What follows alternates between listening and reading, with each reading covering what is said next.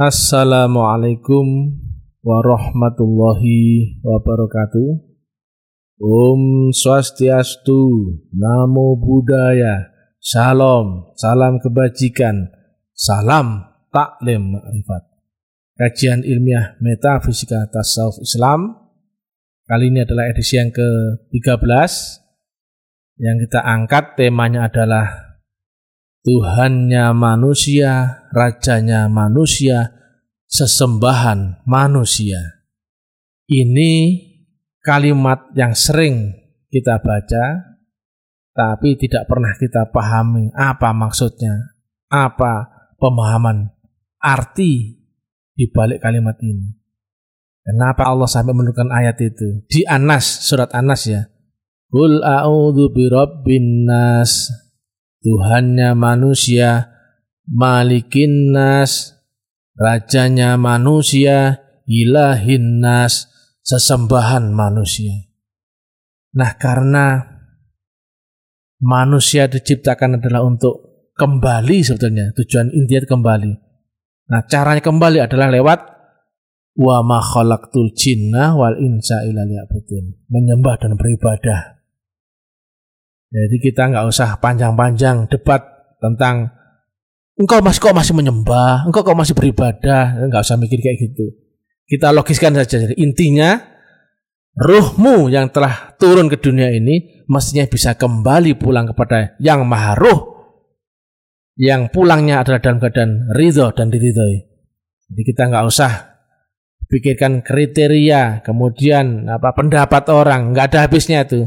Beda kepala sudah beda kriteria, beda interpretasi, beda pemahaman. Jadi digenerakan saja, jadi ilmiahnya jika rohmu diturunkan ke dunia ini lewat badan jasad kasarmu, maka hendaknya rohmu tuh mencari jalan pulang. Dan kalau ketemu jalannya adalah bisa pulang dalam keadaan ridho dan diridhoi. Ruh kembali kepada yang maha ruh. Karena ruh adalah bagian unsur dari Allah Ta'ala sendiri. Demikian diterangkan di dalam ayat saat di kandungan kutiupkan sebagian ruhku dan kau bersujudlah. Sebagian ruhku berarti ruh ini ruh kita ini adalah bagian dari ruh Allah.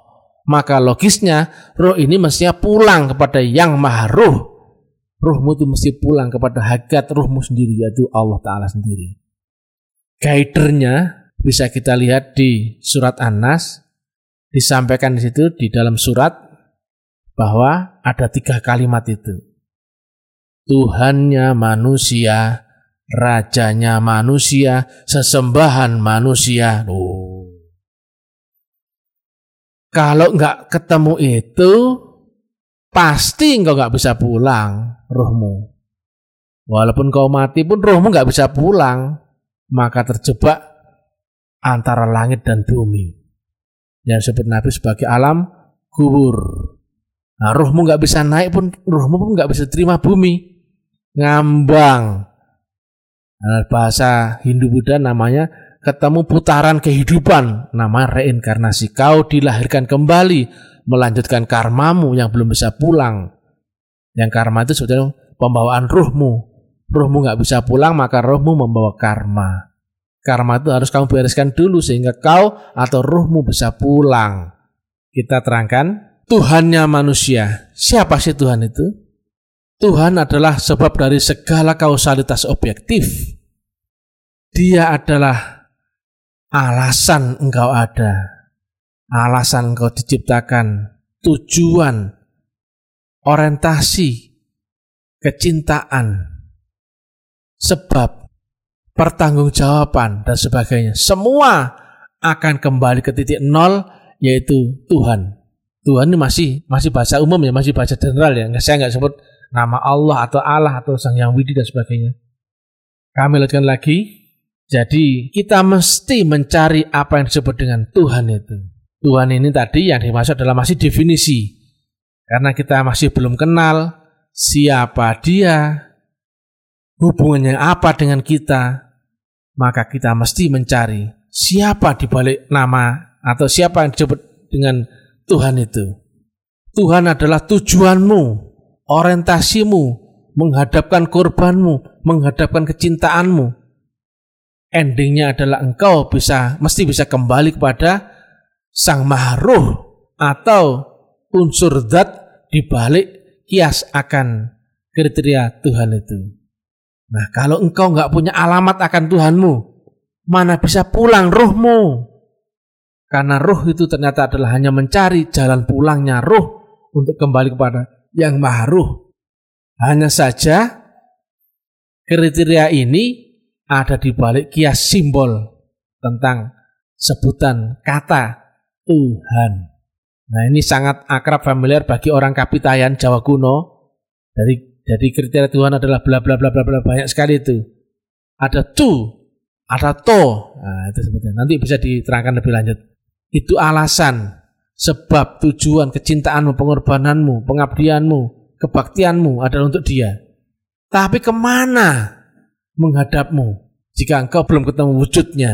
Nah ternyata diterangkan bahwa Tuhannya manusia dilanjutkan dengan rajanya manusia. Raja manusia berupa apa? Manusia. Enggak ada raja manusia berupa kucing atau kambing atau sepatu enggak ada. Rajanya manusia adalah manusia juga wujudnya. Dan lanjutannya adalah sesembahan manusia. Loh, jadi mencari Tuhan adalah menghadapkan kepada rajanya manusia. Carilah rajanya manusia. Dan di situlah engkau menyembah atau sesembahan manusia. Kenapa nggak ada yang berpikir tentang surat An-Nas ini? Kul a'udhu bi rabbin nas, malikin nas, ilahin nas. Saya ulang artinya. Tuhannya manusia, rajanya manusia, sesembahan manusia. Loh, maka menyembahmu menghadap kepada manusia. Menghadapnya loh ya. Sama seperti ibadah syariatmu menghadap Ka'bah. Tapi bukan diajarkan menyembah Ka'bah, bukan. Menghadapmu, ada kiblatmu. Menghadapkan kiblat. Ibarat menembak itu kan ada titik fokusnya, ada titik sasarannya. Jadi nggak gelambiar. Maka yang dikunci Sifat Allah adalah wujud. Dia ada wujudnya. Wujudnya adalah manusia. Lihat di atau bahasa 28. Laqad ja'akum rasulum min anfusikum yang dia itu seorang manusia yang ada di zamanmu sendiri. Bukan zaman orang dahulu itu cerita fiktif. Seorang manusia yang dia adalah rajanya manusia di zamanmu yang dia adalah tempat engkau menyembah artinya menghadap sesembahanmu menghadap sesembahanmu ya yang menyembahmu kepada Allah lewat menghadap lewat manusia itu. Maka tujuan dari menyembahmu adalah Allah Ta'ala tapi lewat pengorbanan, pengabdian, kebaktian, mencurahkan cinta, mencurahkan orientasi, mencurahkan perjuangan, pengorbanan semua kepada dia. Karena engkau telah ketemu alamat daripada sesembahanmu yaitu rajanya manusia yang dia adalah di balik adalah Tuhan manusia. Maka diurutkan itu. Tuhannya manusia, rajanya manusia, sesembahan manusia. Wujudnya manusia. Nah, cuman jarang ada yang menceritakan ini. Orang banyak membaca, oh banyak. Orang banyak mengartikan, oh gampang, tinggal di ditranslate bahasa Arab itu ada itu. Nah silakan dibaca aja sendiri harfiahnya itu jelas itu Tuhannya manusia, rajanya manusia dan sesembahan manusia. Wujudnya manusia. Yang manusia adalah adalah Tuhannya manusia dan sesembahan manusia menghadapnya. Jadi bukan dia itu Allah Ta'ala, bukan. Bukan pula dia itu Rasulullah, bukan. Tapi Allah ada di baliknya manusia itu. Rasulullah ada di baliknya manusia itu maka menghadap engkau mencari Allah lewat orang itu karena Allah dan Rasulullah ada di baliknya orang itu dia seorang manusia di zamanmu sendiri jadi bukan zaman orang lalu bukan cerita tapi kau harus temukan sendiri yang itu jelas rukun syarat dari rukun Islam yang pertama adalah syahadat syahadat bunyinya apa aku bersaksi loh jadi bersaksi itu bukan cerita. Aku bersaksi kalau yang ngambil uang itu adalah si fulan. Tahu dari mana? Tahu dari cerita. Loh, pengadilan dunia dan menyebut itu kesaksian palsu. Ketika saksi di persidangan ditanyain, apakah Bapak melihat sendiri kejadian ini? Melihat dengan mata kepala sendiri? Kalau misalkan, enggak Pak, ya enggak lihat sendiri. Saya cuma diceritai, katanya orang ceritanya itu begini ceritanya. Loh, kalau itu sengaja itu pidana.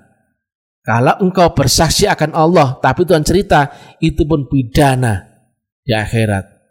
Maka yang saatnya tidak sah, tidak bersaksi akan wujud Allah, wujud Rasulullah, yang zahir di zamanmu sendiri, yang kau lihat dengan mata kepalamu sendiri, itu syahadat ranah pidana. Islam jasmanimu tapi rohmu belum Islam Kau belum menyaksikan wujudnya Allah, belum menyaksikan wujudnya Rasulullah di zamanmu sendiri. Maka itulah wujudnya Allah, wujudnya Rasulullah, dan wujudnya orang yang membawa nur atau membawa silah itu sama karena kau melihatnya di dunia. Beda dengan kau melihatnya di alam rohani, oh beda. Beda lagi kau ketika melihat apa dia di alam ma'rifatmu, oh beda lagi. Tapi wujud Allah yang terlihat di alam manusia adalah manusia. Wujudnya Rasulullah ketika melihatnya di alam manusia pun wujudnya manusia. Tapi manusia itu bukan Allah, wujudnya Rasulullah pun bukan bukan apa? Bukan eh, mohon maaf, Rasulullah pun bukan manusia itu. Sama seperti air ditaruh gelas atau ditaruh kendi, maka ketika orang menawarkan, "Pak, Pak, minum air putih, Pak." Saya menyodorkan kendi. Yang kau lihat apanya? Kendinya. Karena air itu dibalik kendi. Nah, begitu. Yang kau pegang untuk minum awalnya apa? Ya kendinya, tapi bukan tujuanmu minum kendinya, tapi minum air yang dibaliknya kendi. Walaupun wujudnya mau wujud karena wadahnya air itu ada pada wujud kendi. Nur itu pun demikian. Karena menempati wujud sang pembawa nur yaitu manusia yang diterangkan di lakot ja'akum rasulum anfusikum dan seterusnya di atau bahasa 18 maka wujudnya Allah yang terwakili dengan nurnya dan nurnya terwakili dengan wujud sang pembawa nur maka wujudnya Allah dan nur adalah manusia maka di situlah ke situlah engkau menghadap persembahanmu menghadapkan baktimu pengabdianmu totalitasmu alasanmu tujuanmu orientasimu kebaktianmu dan sebagainya kepada manusia itu makanya Diterangkan di Anas, disejajarkan. Qul a'udzu birabbin nas, malikin nas, ilahin nas. Itulah yang disebut dengan Nabi.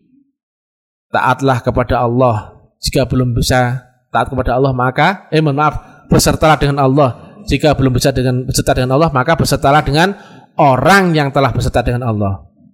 Demikian juga dia kalimat lain, taatlah kepada Allah, taatlah kepada Rasul, dan taatlah kepada orang yang dikuasakan di antara kamu, yaitu guru.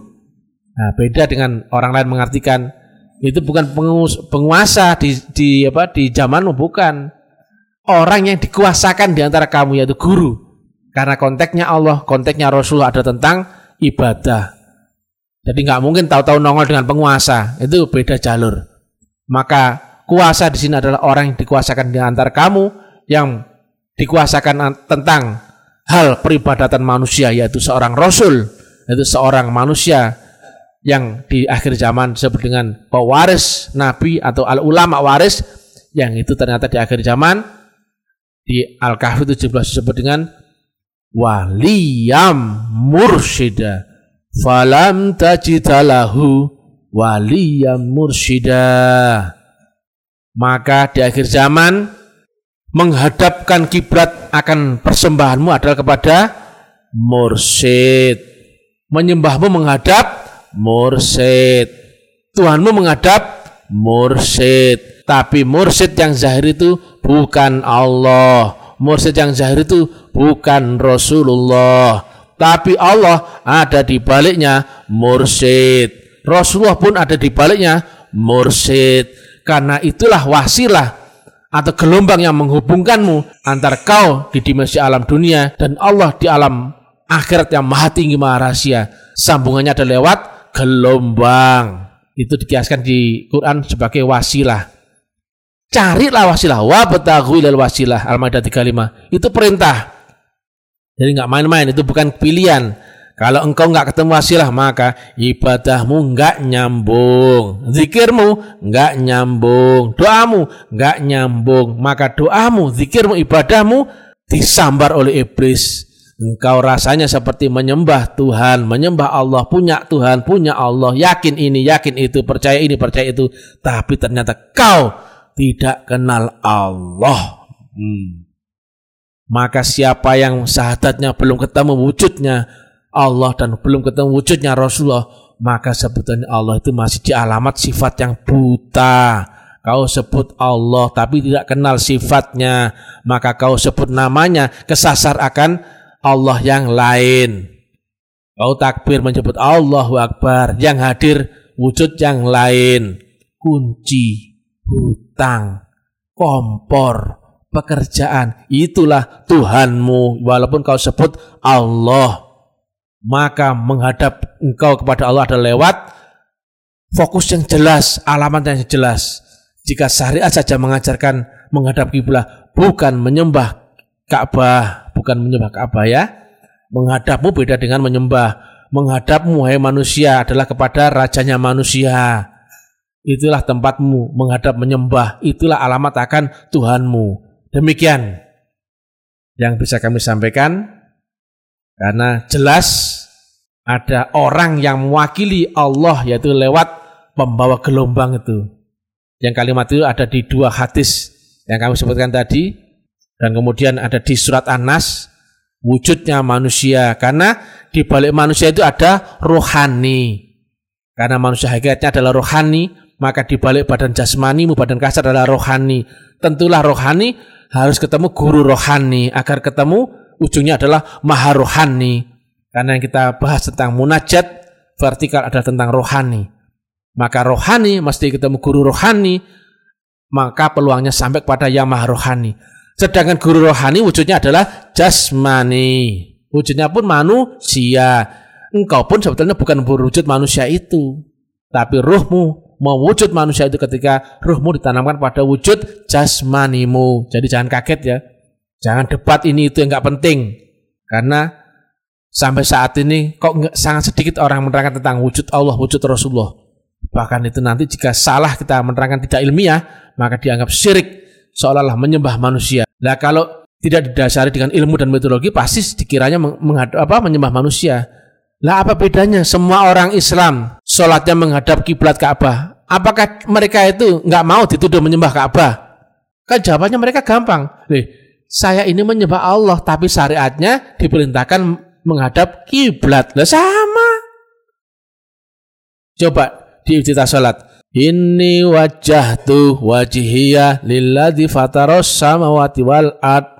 Kuhadapkan wajahku kepada wajah yang menciptakan langit dan bumi. Itu wajah Allah. Wajah Allah ternyata manusia. Allah menghampiri manusia lewat nurnya. Dan nurnya ada yang membawa. Maka nur itu akan mewujud serupa dengan wadahnya. Dan wadah pembawa itu adalah seorang manusia. Lakot ja'akum rasul. Jelas wujudnya Allah, wujudnya engkau alamat menyembah, beribadah, berkorban, berjuang, berbakti, berabdi adalah kepada Allah yang ada di baliknya seorang manusia.